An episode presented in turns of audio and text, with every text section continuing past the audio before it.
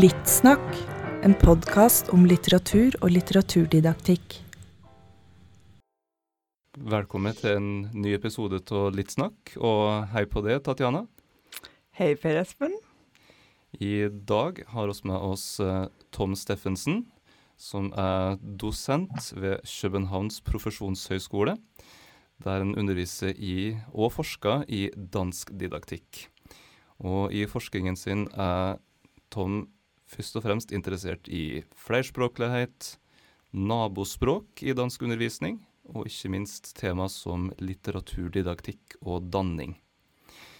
Og oss har med oss Tom her nå fordi han er en av redaktørene i lag med Stig Toke Gissel av en antologi som nettopp kom ut, som heter Undersøk litteraturen. Den kom ut på det danske Akademisk Forlag i fjor. Og det er ei bok med elleve kapittel om eh, undersøkende litteraturundervisning, eh, med bidrag av flere ulike forskere, og som springer ut av prosjektet KIDN, Kvalitet i dansk og matematikk, som er en stor empirisk studie av utforskende undervisningsformer. Velkommen, Tom. Takk, fordi jeg måtte være med. Var det en grei eh, intro? Er det noe du vil legge til?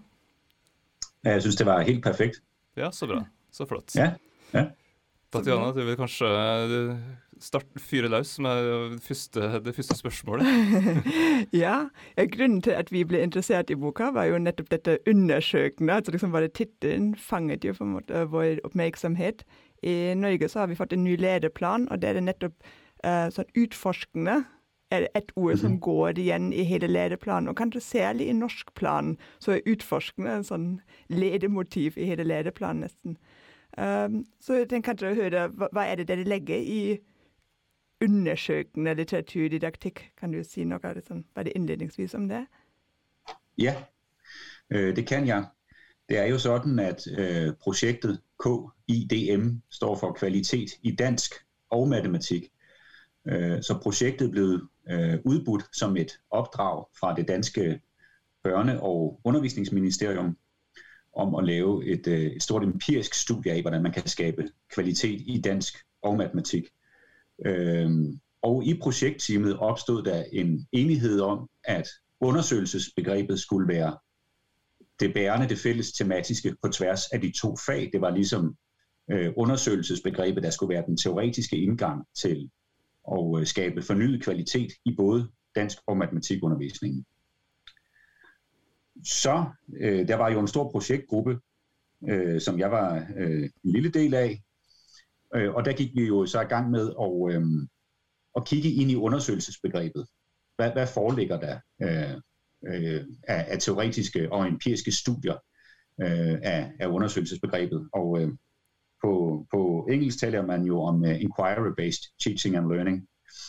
Og vi havde nogle almene didaktiske forskere, øh, Anne Kvartrup og Thomas Albrechtsen, med i, øh, i projektet, som gik i gang med at gennemtråle, hvad, hvad der ligger af viden om inquiry-based teaching and learning. Og det de fandt ud af, uh, er, at, um, at det her begreb om inquiry-based learning, altså som jo sådan har rødder helt tilbage til John Dewey's øh, Øh, pædagogiske tænkning jo er meget mere udbredt i, i, i science-fagene, mm. øh, og for så vidt også i matematik, men især i naturvidenskabene, altså i, i, i science-fagene, end det er i, øh, i modersmålsundervisning. Og øhm, det vi så skulle i modersmålsundervisning, det var jo sådan at forsøge at koncept, konceptualisere undersøgelsesbegrebet. Og øhm, vores udgangspunkt, fordi vi var fagdidaktikere, øh, det er, at en undersøgelse er ikke bare en undersøgelse, altså der er ikke, det er ikke den samme generiske metode, man kan bruge øh, på tværs af alle fag. I øh, naturfagene arbejder man jo meget med, at man har et, øh, et problem, som man øh, undersøger ved at indsamle data, og så laver man en, en bæl, øh, og så når man frem til en løsning. Sådan arbejder man typisk i, i science-fagene med det, de kalder modellering. Men i modersmålsfagene arbejder vi jo ikke øh, med sådan et øh, empirisk problem ude i naturen. På den måde, der tager vi jo mere udgangspunkt i, øh, hvad skal man sige, i det humane, øh, typisk i altså mødet mellem en æstetisk tekst for eksempel, og læserens forforståelse, som jo ligesom er udgangspunktet øh, for undersøgelsen.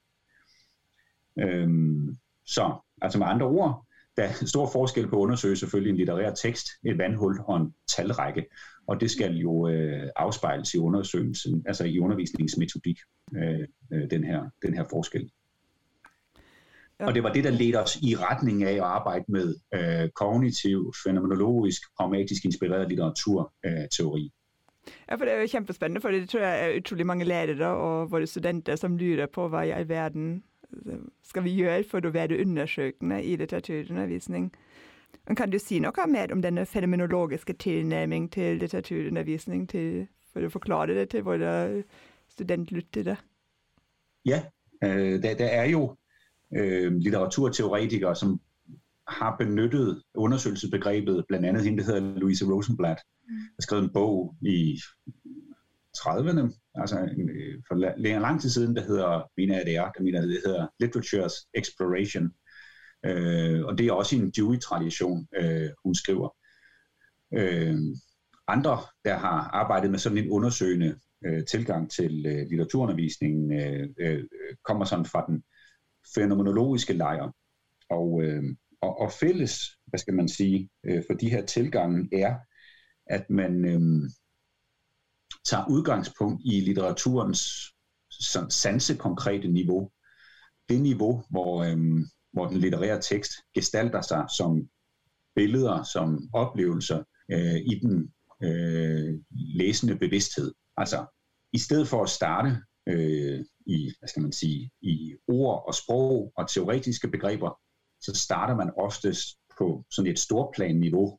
Mm. Øhm, øhm, hvor altså tekstens øh, ord øh, er omsat til billeder, til tanker i øh, læserens bevidsthed. Og det er så de billeder eller tanker eller forståelser, der er øh, afsæt for den undersøgende rejse, man så foretager øh, i, i teksten, kan man sige.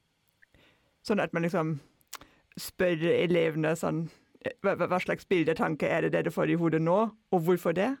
Og gå videre ind i teksten, er det sådan Netop. at forstå lidt? Det er præcis det. Øh, og selvfølgelig også det, den affektive dimension, altså noget med billeder, øh, følelser, stemninger, umiddelbare associationer, som man får øh, i det første møde med teksten. Og så er det sådan set øh, de, altså de billeder, de tanker, følelser, stemninger, som vi prøver at undersøge. Hvordan hænger de sammen med, med, øh, med teksten? Øh, og hvis det er et klasserum, er det jo spændende at undersøge, jamen jeg får de her stemninger, følelser, tanker og billeder, og du får måske mm. nogle andre stemninger, følelser, tanker og billeder, og hvordan kan det være? Og måske er der alligevel noget alment, og måske er der noget, der har at gøre med en forskellig erfaringsbaggrund, øh, vi har med os. Så dere setter den litterære tekste i centrum, og eleven sitt møte med den litterære tekste, og, og starta der, framfor å starte med analysebegrep, eh, litterær, litteraturhistoriske epoker og den typen ting. Lige præcis. Mm. Og, øh, og man kan sige, det begrebet, altså på, på, på en og samme tid er den her metode, den er tekstorienteret, fordi det er jo netop øh, på en måde teksten, man starter i. Så det er ikke sådan et anything goes, altså det er jo sådan et, et på en måde meget fokuseret øh, tekstarbejde, men, men, øh, men indgangen er netop det her med, at vi starter sådan meget induktivt, mm. øh, med læserens første personlige oplevelse. Altså sådan et oplevelsesniveau, vil Dewey kalde det, for at bevæge os mod et mere refleksivt øh, niveau, i stedet for at starte med øh, at sætte fokus på et litterært begreb. Vi, vi lavede et, et, et forstudie, eller jeg var ikke med til det, men nogle af mine gode kollegaer har lavet et forstudie, øh, der viste, at desværre modersmålsundervisningen meget, Øh, de kalder det øh, modtagende, altså den er sådan meget passiv, at man arbejder typisk øh, inden for nogle meget lukkede rammer øh, med tekster. Øh, et andet nyere dansk øh, PhD-studie studie af en øh, forsker, der hedder Marianne Oksbjerg, har lige vist, at øh, meget undervisning i Danmark er styret af et, et bestemt lærebogssystem, som er meget bygget op omkring begreber. Det kan være, at man arbejder med komposition i en uge. Og så læser man så en tekst, og bruger den som eksempel på, hvordan man kan sætte en tekst ind i en bestemt forløbsmodel. Så arbejder man måske næste måned med den alvidende fortæller, læser nogle eksempler på den alvidende fortæller, og så videre.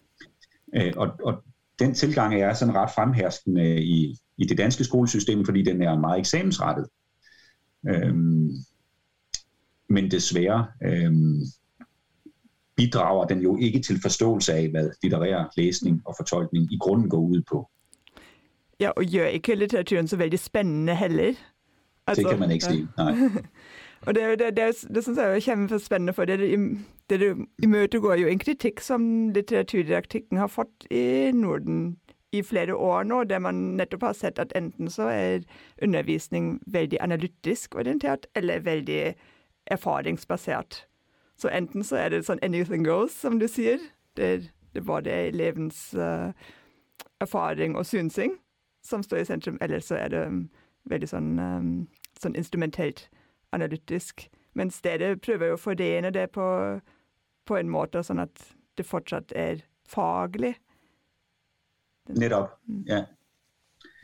Det er jo, øh, i vores projekt er det en forsker, der hedder Thomas Ilum Hansen, der har arbejdet med, med den her teori øh, igennem flere år, og skrevet blandt andet en bog, der hedder Processorienteret litteratur, øh, teori, og en bog, der hedder Kognitiv litteratur til øh, didaktik, øh, og, og andre bøger, hvor han har forsøgt at, øh, at skabe den her tredje vej øh, mellem netop øh, det meget erfaringsbaserede og meget receptionsæstetiske på den ene side, og på den anden side øh, den meget begrebsorienterede undervisning. Øh, og, og det der, altså, lærerne har selvfølgelig brug for et strukturerende greb, så, øhm, så det Thomas så især øh, stod for at udvikle, det var så en, en ny model, om man vil, hvor man arbejder med teksten i nogle faser, som så fik nogle forskellige navne, og så blev det så knyttet nogle bestemte læsestrategier til hver fase. Altså sådan, at læreren stadigvæk havde grundlag for at, at undervise øh, klassen, kan man sige, i et fælles sprog. Og de faser blev kaldt for øh, forforståelse, og den første fase med en række, øh, hvad skal man sige, instruktioner til eleven, hvad foretager man sig i den fase, så kommer der en fase, der hedder oplevelse, og nogle instruktioner i, hvad gør man så her, og så kommer der en, en fase, vi kalder øh, opdagelse, man kan opdagelse i, i teksten, og så, øh, og så så videre igennem syv faser, hvor man så til sidst kommer til øh, analyse, fortolkning og perspektivering. For, så vidt en, en rimelig sådan klassisk modellering af, af, af, af læseprocessen. Mm. Men indlagt også en, øh, en, en række øh, øh, opgaver, hvor eleverne så skal altså, læse en tekst, og så skal de måske gå tilbage og læse igen og sådan. Det gør man jo, når man nærlæser, og når man studerer litteraturen. Mm. Og det greb var øh, uvandt for, øh, for nogen. Så jeg tror, deres oplevelse var, at, at denne her metode øh, er ikke mindre øh, faglig, den er heller ikke mindre anstrengende, om du vil, end, end øh, det, det kræver det kræver både energi og, og øh, opmærksomhed at læse på den her måde. Og nogen synes også, at det var kognitivt udfordrende, mm. at det simpelthen var øh, hårdt, øh, synes jeg, de øh, sagde. Øh, øh, nogle elever, det var hårdt at skulle øh, stille så mange spørgsmål til teksten og, og, og arbejde på et refleksivt niveau, som de måske ikke altid var vant til. Ja, og så kan man jo få liksom, de fagbegrepene og sånt, dem kan man jo få inn via bakveien. Ja, grunnen til at de opplever det her sånn, er jo fordi fortelleren er, altså at det er en bestemt type forteller, eller at det er perspektivskifter, eller hvad som helst. Kanskje. Ja, netop, netop. Øh, altså de litterære begreber øh, har øh, en... Det er ikke sådan, at vi i projektet ikke bryder os om litterære begreber. Vi vil gerne bringe dem ind, øh, hvor de giver mening, altså som redskaber mm. til undersøgelsen, når mm. man har etableret sit sin oplevelse og fundet ud af i opdagelsesfasen, hvad det er, man vil gå på opdagelse i, så, så har, trænger man nogle værktøjer. Mm. Og det kan være, at det er måske metaforikken i en tekst, der har særlig betydning. Eller det kan være, som du siger, måske fortællegrebet i en anden tekst. Men det skal eleverne selv øh, øh, få en fornemmelse af, øh, at der er sådan den her værktøjskasse, og så er der nogle forskellige redskaber, vi kan tage brug øh, i forhold til forskellige tekster. Men, men øh, for at imødekomme især øh, de af lærerne, der synes, at, at vores at begreberne var for usynlige i vores tilgang, som jo er meget fokuseret på værkets verden, altså udarbejdede vi et fagkatalog simpelthen øh, med øh, en gennemgang af de klassiske øh, analytiske begreber. Øh, men øh, for at understrege, at de skal jo så bringes ind som redskaber, som tænkeværktøjer, som tænkehatte øh, i den undersøgende proces, snarere end at det er der, hvor man starter. Det er jo et vigtigt poeng med tanke på det du siger om uh, utforskende undervisningsformer som uh, er undervisningsformer som etterligner på et vis det autentiske fagpersoner gjør, eller uh, eksperter gjør, fordi det er jo slik en går fram i litteraturvitenskapen òg, ved å først identifisere et eller annet i, i ei tekst, og så prøve å finne den riktige måten å beskrive det på, eller den mest terminologisk presise måten å beskrive det på. Så mm. det er jo en måte å jobbe på som er mer i tråd med den måten mm. en, en litteraturforsker ved universitetet mm. vil jobbe på, tenker jeg. Mm. mm. Jamen det tror jeg, du har fuldstændig ret i. Altså, det er jo en form for øh, øh, kognitiv mesterlærer, kunne man også kalde det. Øh, I virkeligheden den her, øh, hvad skal man kalde det, i Danmark har man meget talt om en, en modsætning mellem en øh, nykritisk skole og så sådan en reader-response skole, som jo i virkeligheden langt hen ad vejen er en, i hvert fald øh, i, i litteraturteoretisk sammenhæng, en lidt falsk modsætning, øh, især hvad angår øh, det billede, der er blevet tegnet af den nykritiske tilgang. Altså, en, en, altså sådan en, en, en nykritisk litteraturforsker vil jo ikke sidde med sådan en plan strukturmodel, vel?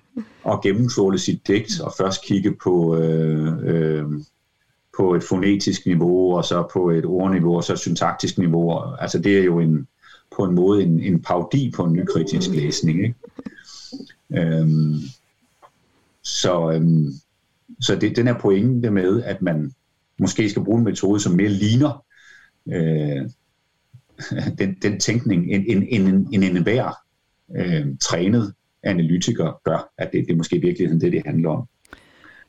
Noe som jeg også legger meg til, som jeg tenker liksom bare for våre lytterne, syns jeg er litt viktig, eh, øh, eller som jeg tenker ofte kan glippe, du sier at øh, uh, faglæreren han har jo også en funksjon her. Så faglæreren må legge til rette øh, gjennom ja, litteraturvalg og måten liksom, hjelpe elevene inn i teksten på en eller annen måte, og, og gjennom. Han ikke det? Så det, det, det slipper ikke bare elevene løs. Det, det gir bare en te tekst og sier sånn Lykke til, utforsk. Nej, altså, og vores review, som jeg startede med at tale om, er undersøgende undervisning, hvor der blev også lavet det, et delreview, der fokuserede særligt på, på litteratur, øh, viser, og det svarer med andre empiriske studier, at vi kender fra skoleforskning, at, at undersøgende undervisning, som du siger, hvor man bare siger held og lykke, mm. øh, do your best, øh, har dårligere resultater på elevernes læring end traditionel klasserumsundervisning. Øh, altså den, den helt, øh, nogen vil kalde den, den helt usynlige pædagogiske mm. form, hvor, hvor, hvor eleverne bliver helt overladt til sig selv uden stilisering, øh, har, øh, har dårlige resultater end, øh, en traditionel klasserumsundervisning, øh, og er i høj grad med til at reproducere, øh, hvad skal man sige, det eleverne allerede bringer med sig til klasserummet. Altså forstået på den måde, at de elever, der så af en eller anden grund øh, har bedre forudsætninger for at, øh, at regne ud, hvad det så er, man skal, hvis man ikke får nogle klare instruktioner. De har bedre sandsynlighed for at klare sig godt i skolen, end de elever, som har mere trænger øh, øh, hvad skal man sige, lærerens vejledning øh, for, for at komme frem i skolen. Så det, det var, var vi meget optaget af fra start, at vi ikke ville øh, havne i sådan en, øh, det vi kalder en usynlig pædagogik. Øh, en britisk sociolog, der hedder Burson Bernstein, der bruger det her begreb om den usynlige pædagogik. Øh, og derfor øh, udviklede vi så et projektet med hjælp fra en, øh, en amerikansk teoretiker, der hedder Anne Brown. Øh, et, øh, et begreb, vi kalder styret undersøgelse. Hun taler om guided discovery, øh, som er sådan på den ene side, på den anden side. Øh, altså, ja, eleverne skal undersøge. Ja, det skal være selvstændigt, men det er inden for nogle rammer, som er ret præcist tilrettelagt af læreren. Og det er, det er en stor... Øh, det, det, det, er tit, det er tit der misforståelsen dukker op, når man taler om undersøgende undervisning.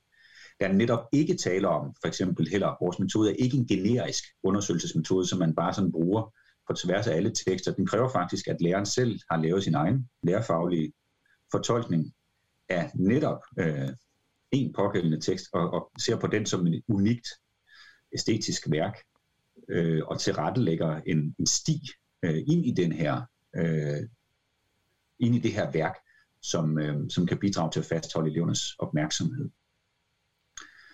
Øhm, I Danmark for eksempel, der findes der sådan nogle, nogle greb, man, øh, man tit ser i undervisning. Der er for eksempel et greb, der hedder quiz hvor øh, eleverne skal stille tre spørgsmål til en tekst, og så skal de så bytte med en anden elevs tre spørgsmål, og så svare på hinandens spørgsmål, og så går de videre.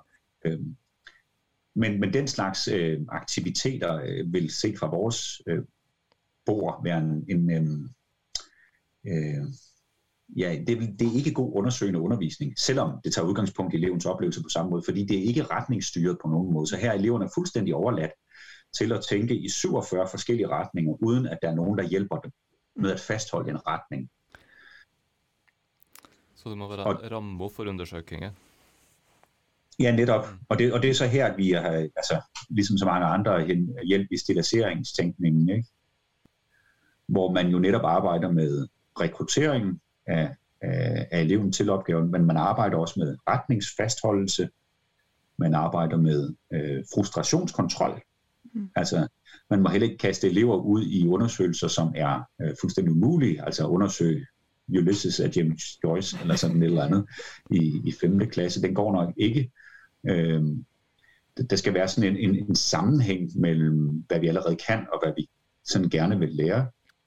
Øh, og så er der det, øh, som øh, Woods, Bruner med flere kalder, øh, øh, de taler om øh, modulering.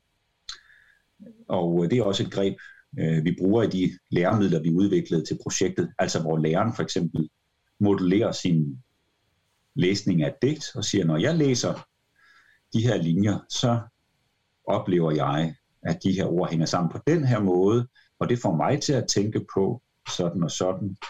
Eller jeg kunne også læse det på den og den her måde, det vil få mig til at tænke på det og det. Øh, og nu kan I diskutere, hvad taler for denne måde at se det på, hvad taler for denne måde at se det på, osv. Altså sådan, at øh, der bliver modelleret nogle tankegange øh, øh, for eleverne. Skal også uh, gå lidt nærmere ind på nogle enkelt kapitel, kanskje? Kan det kan vi gjøre. Ja. ja. ja. Mm -hmm. Skal starte med eldre tekster. Uh, ja, uh, altså det er jo veldig interessant å, å høre uh, prosjektet og den overgripende tanken bak. og så er det jo noen kapittel som oss har lest med stor interesse, da, som vi kunne tenke oss å høre litt mer om. Og da har dere et kapittel i boken som heter 'Eldre tekster'. og det er noe som er litt interessant, fordi litteraturhistorie er et tema som stadig dukka opp hva skal en gjøre med litteraturhistorie. Um, og I Norge har vi jo fått en ny læreplan som definerer tekst i kontekst som et kjerneelement. Uh, samtidig som læreplanen òg legger føringer for djuplæring, som det heter. Altså at en skal bruke uh, mindre tid på de lange litteraturhistoriske linjene uh, og mer tid på djupdykk, eller dypere utforsking kanskje, av mm. Um, det kom nylig en ny antologi om litteraturhistoriedidaktikk fra et fagmiljø ved Oslo OsloMet. Uh, ehm, så det er, det er, mange i norskdidaktikken som interesserer seg for litteraturhistorie for tiden. Uh, og jeg tenkte kanskje vi kunne starte med å spørre deg um, hvorfor er det viktig i det hele tatt å lese eldre tekster i danskfaget, eller i norskfaget, da, uh, hvis vi nå er i Norge? Har det en verdi i seg sjøl å lese eldre litteratur? Ja, altså det er jo øhm, det, det lyder spændende, at øh, de læreplansændringer, I har fået, øh, fået i Norge. I Danmark fik vi jo, hvis man skal starte et sted, så kan man sige, at vi fik indført i tilbage i starten af nullerne, i, i 2004 udgav det danske undervisningsministeriet en, øh, en rapport, der hed Dansk Litteraturs Kanon, og det blev fuldt op af nogle, nogle krav om, at lærerne i højere grad skulle til at læse ældre tekster. Øh, og så kom der det, der Danmark blev kaldt kanondebatten. Der blev lavet en øh, liste med øh, første omgang 12 forfattere, som blev obligatorisk læsning i, i, i skolen. Og så var der en, øh, der var en fælles liste, og så var der en, en folkeskoleliste og en, og en gymnasieliste. Og øhm, det blev altså genstand for en større debat. Ikke? Altså hvor nogen synes, at kanonlæsning var sådan en meget instrumentel, øh, altså en meget sådan stivnet måde at, at, at tilkøbe litteratur på den ene side, og så på den anden side øh, øh, fagfolk, som siger, jamen den der kanon har jo altid været der.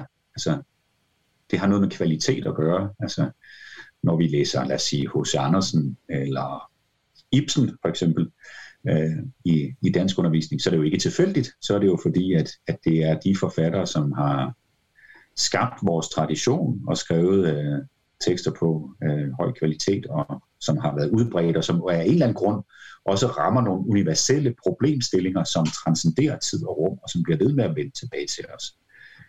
Øhm, så den kanon er der alligevel, men nu hjælper vi så øh, de skoler, de lærer, øh, som måske ikke har øh, af forskellige grunde det her kendskab til kanon, nu hjælper vi den med at få, få øje på det. Øh, sådan var der nogen, der så det.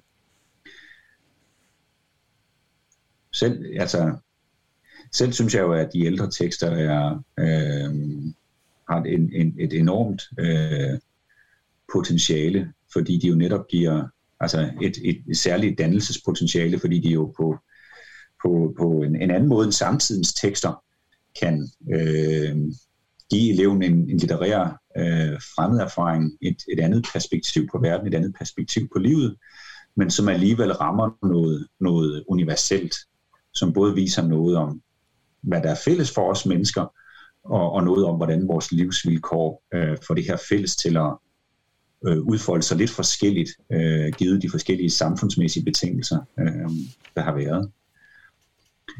Op igennem ja, i de nordiske lande op igennem ja, i særligt 1800-tallet og 1900-tallet er det jo, vi taler om her. Ikke? Det er jo interessant fordi at du satte ord på noe med at litterære tekster kan sette vårt eget liv eller våre nåtidige erfaringer i perspektiv på et eller annet vis.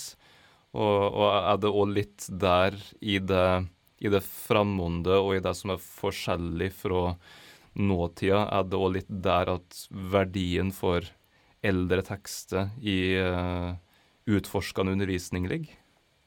Mm. Altså i det potensialet for sammenligning, tenker jeg på sammenligning og mm. kontrastering. Mm. Ja, absolut. Øh, absolut. Og sådan har, øh, sådan har ældre tekster jo også været, været, været, været brugt Øh, i, I dansk sammenhæng kan man sige, der, der, der er der ligefrem nogle tekster, der sådan er kanoniseret på den måde, at man læser dem, ofte læser man dem op mod hinanden. Øhm, i, i, vores, I vores tilgang øh, vil vi gerne fokusere på, hvad skal man sige, på, ligesom, ligesom før, altså på værket, i, i udgangspunktet fokusere på værket i dets egen ret. Det er noget, noget af den, som du startede med at sige, Per Esben, i, noget, i, noget af undervisningen i ældre litteratur har det med at blive meget sådan historicistisk, øh, eller meget sådan periodestyret.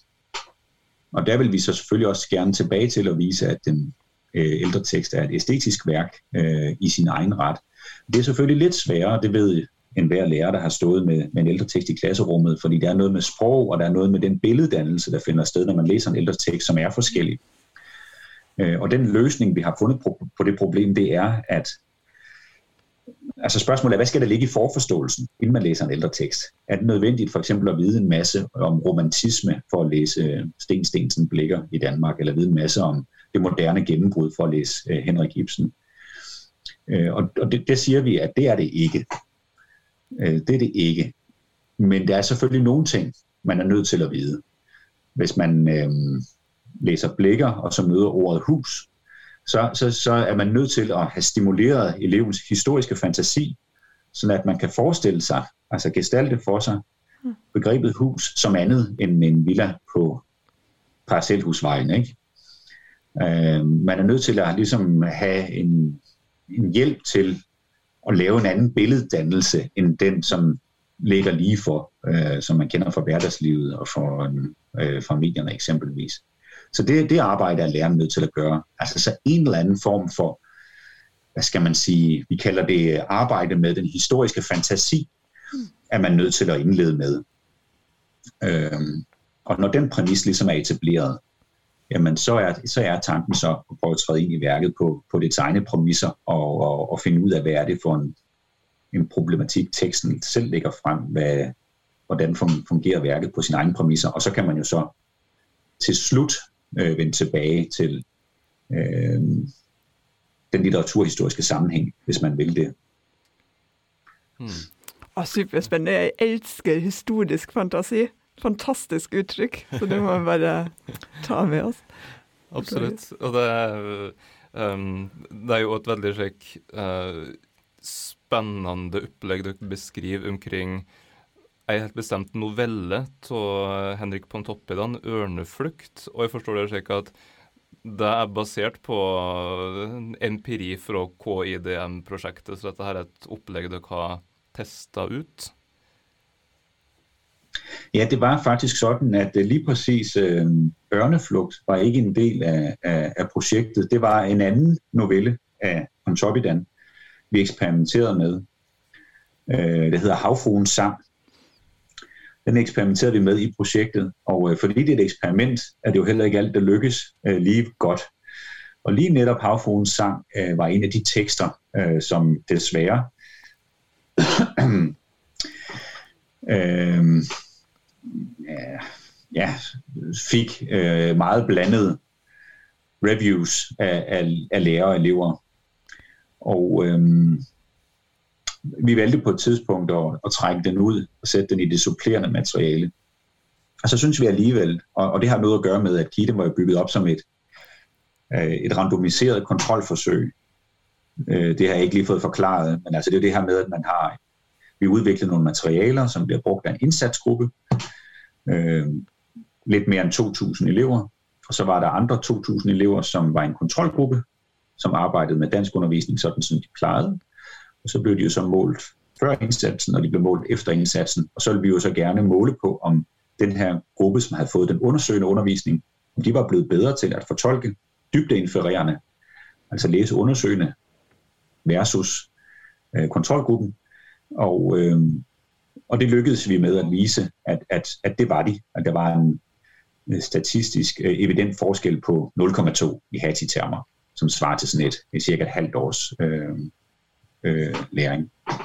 Men det er baggrunden for at sige, at øh, fordi at det var det, der var målet, altså at flytte øh, evnen til litterær inferensdannelse, så var vi selvfølgelig hele tiden opmærksomme på at optimere vores indsats Øh, og vi kørte den i en pilotrunde, og så tre faser, hvor der blev lavet justeringer efter hver fase.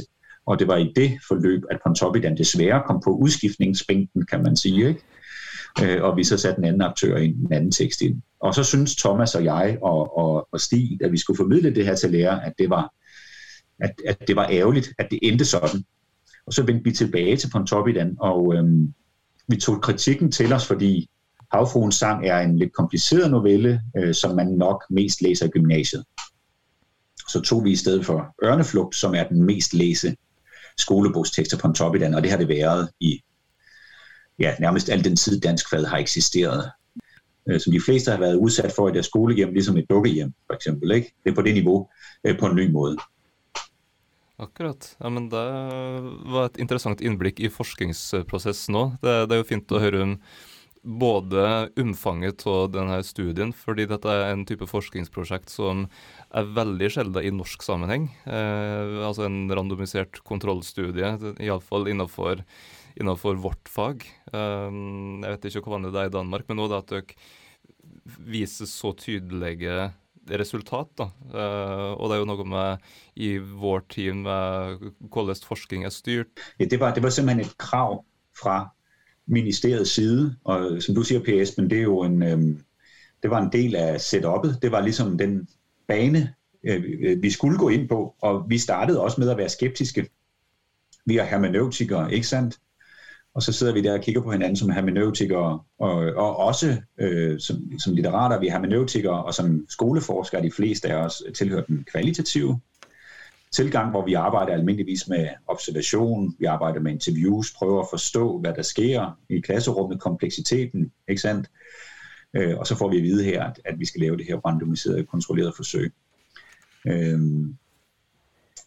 øh, men det gjorde vi så, og så ved siden af etablerede vi så et kvalitativt spor, hvor vi observerede, filmede, interviewede lærer og elever, ligesom vi vil gøre øh, i andre projekter. Og så fandt vi så ud af, at de her interviews og observationer, de kunne så bruges til at justere indsatsen øh, løbende, ligesom jeg beskrev det før. Altså når lærerne så sagde, at havfruens sang, den er for svær. Ja, ikke?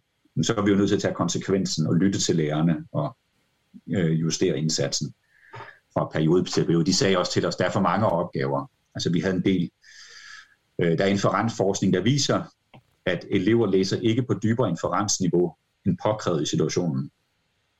Det kender vi også, også fra os selv, når vi fritidslæser. Ikke sandt? Så kan vi godt nøjes med at læse øh, forbindende inferencer eksempelvis, men vi har, vi, vi har måske ikke behov for at lave de sådan fortolkende inferencer, medmindre vi er i en situation, hvor det ligesom er krævet af os. Øh, og, og fordi vi vidste det, så har vi jo lavet vores materialer sådan, at der var rigtig mange prompts, der skulle få eleverne til at, at danne dybe inferencer. Og der var også for mange, altså de blev helt slidte i hovedet. Ikke? Øh, til sidst, så vi var nødt til at lue lidt ud øh, i, i, i den der øh, type opgave. Så det var justeret sådan undervejs. Nettopp. Uh, øh, og jeg kan jo bare nevne det for dem som lytter til dette her, som ikke har lest boka, at uh, det er jo en bok som øh, uh, inneholder ganske mange veldig håndfaste, didaktiske framgangsmåter. Så det er jo en veldig det er, det er en veldig solid forskningsmessig fundert bok, samtidig som det er en bok som og kan være veldig praktisk nyttig, tenker jeg. Og det er jo en type, en type faglitteratur som en ikke møter så veldig ofte.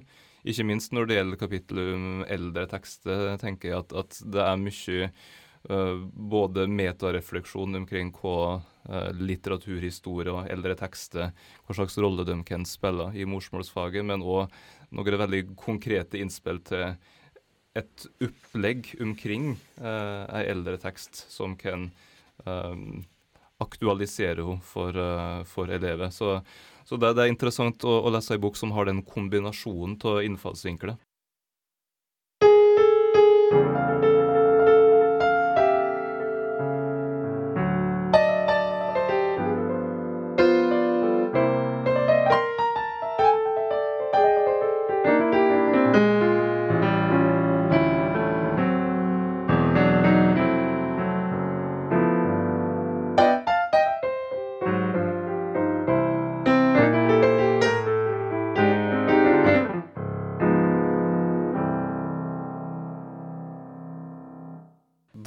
Går oss over til vår faste spalte, Den estetiske bokhylla, der oss ber gjestene våre ta med seg to leseanbefalinger.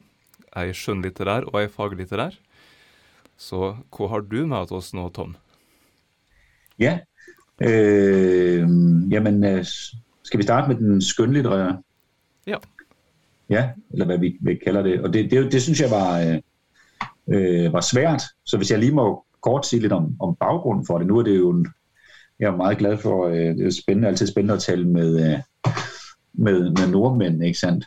Og øh, det, som øh, i hvert fald virkelig er gået igennem hernede hos, øh, hos mig, det er jo selvfølgelig især øh, Knavsgaards forfatterskab, som, øh, som jeg har været, været meget optaget af. Men af senere dato øh, er norsk øh, tv-fiktion slået meget igennem i Danmark. Og det er jo selvfølgelig skam, men det er også øh, øh, nyere serier, hvor jeg synes, nogle af dem er, er fantastisk gode. Øh, blandt andet den her Exit-serie. Ikke? Ah. Men, men også øh, en norsk øh, ungdomsfiktionsserie, der hedder Blank, og en, der hedder jeg tror det hedder, på dansk hedder det motorrace, på norsk tror jeg den hedder Rodabank, eller sådan noget. Ja, Rådebank, ja. Mm. Rodabank, ja, som virkelig fin, ikke? Altså som også er, er blevet meget sådan set og, og, og udbredt i, i Danmark. Så det, den, den vil jeg lige give jer og sige, at det kan I glæde jer over. Uh, altså, uh, det, det er blevet kvalitetsstempel. Jeg synes, det er helt imponerende, altså hvordan norsk tv-fiktion har, har løftet sig i løbet af de sidste 10 år. Ikke? Mm. Men min anbefaling øh, bliver lidt noget andet. Øh, fordi sådan en her ved jeg, at den har I ikke. Det her, det er, kan I gætte det, det er den danske højskolesangbog. Oj, oj, oj. Ja, og øh, hvad er det? Det er jo et øh, værk, som kombinerer øh, litteratur og musik. Og øh, kender I højskolesangbogen? Nej. Av Nej, omtale. men det, i, i, den, i, danske, i den danske skoleverden er det sådan et meget kanonisk værk, og i den danske foreningskulturen, som har eksisteret øhm, helt tilbage til højskolebevægelsens grundlæggelse. Øhm, og den har poesi af de bedste danske og nordiske digtere øh, især, og selvfølgelig sat øh, i musik af de bedste komponister. Den er fantastisk at gå på, på opdagelse i. Også i et tværsprogligt øh, øh, perspektiv. Her er øh, mange nordiske perler, øh, altså, øh, og virkelig en, en, en, en, altså en, en spændende anledning til at dykke ned i nabosprog. Øh, fordi de norske og svenske bidrag er på norsk og svensk. Mm. Øh, så den, øh, den kan jeg ikke anbefale nok. Og jeg kan jo lige fortælle, hvad øh, der er udkommet en ny øh, version her. I 2019 kom der en, øh, en ny version, og der er jo så optaget nye sange, og det er altid spændende at se, hvad der er kommet med af nyt. Men altså fra norsk side, der har man jo sådan noget som øh, Bjørn Stan Bjørnsen er selvfølgelig med, ikke? men der er også noget som Bjørk Eidsvåg. Øh, og så er der sådan, øh, øh, øh, ja, I, I kender sikkert mange af den kringsatte fjender og så videre. Peter Das er med selvfølgelig, ikke? Øh, med Herre Gud, øh, så barokken kan gælde, ikke? Og vi har hele litteraturhistorien her.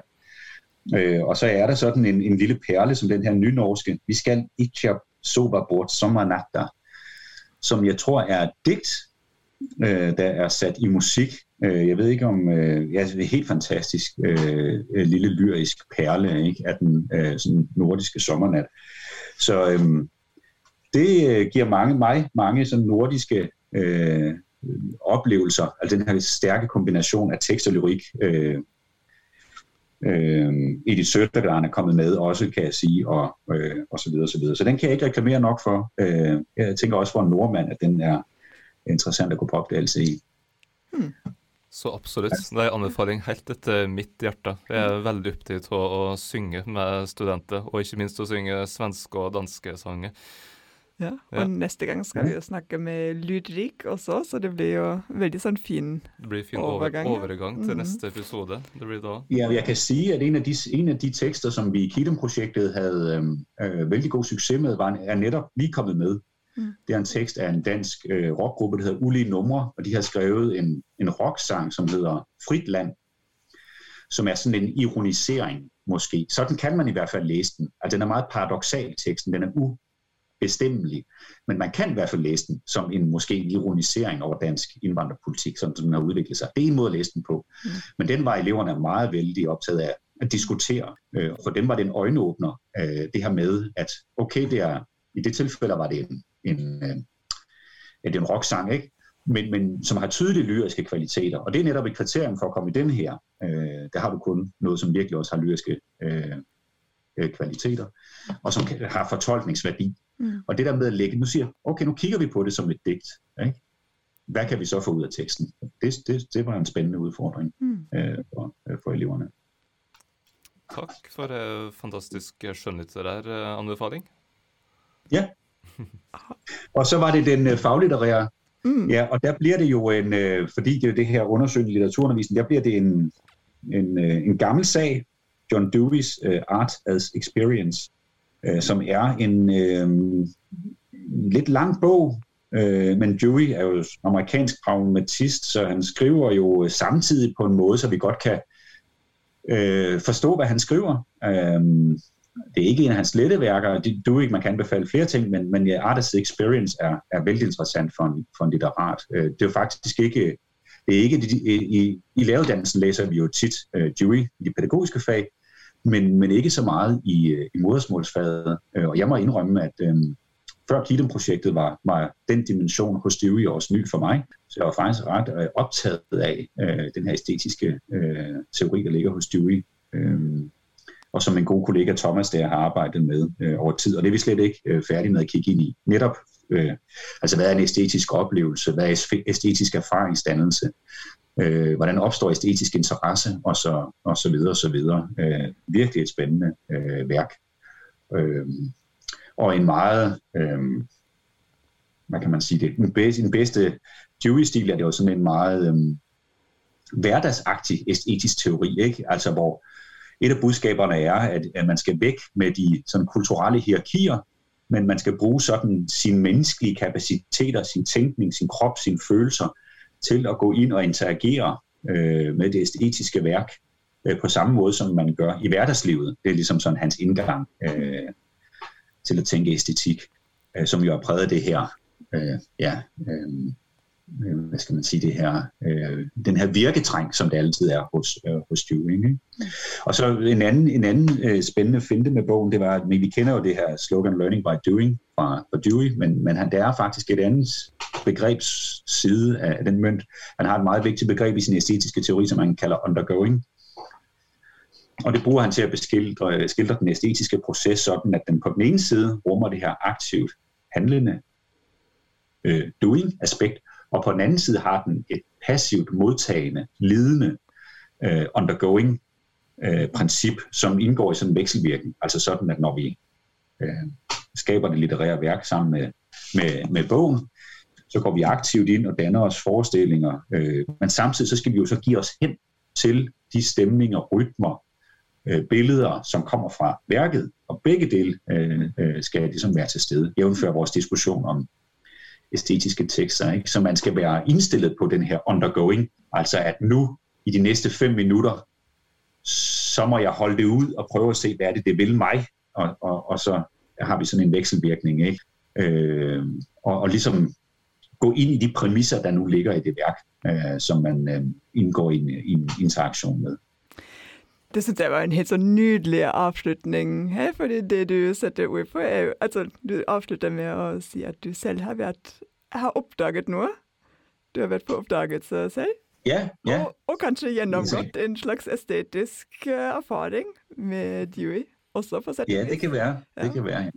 Det kan være, det er en, en fejl i min opdragelse, men det er en, øh, det er øh, en, en jeg, synes, jeg synes, en virkelig interessant øh, bog, også i forhold til at forstå, altså prøve at, hvis man så læser andre Jewish ting, så kan man så prøve, han har det naturvidenskabelige undersøgelsesbegreb versus et etisk undersøgelsesbegreb, ikke? Øh, ligger der en spændende tanke, mm. øh, tankegang der.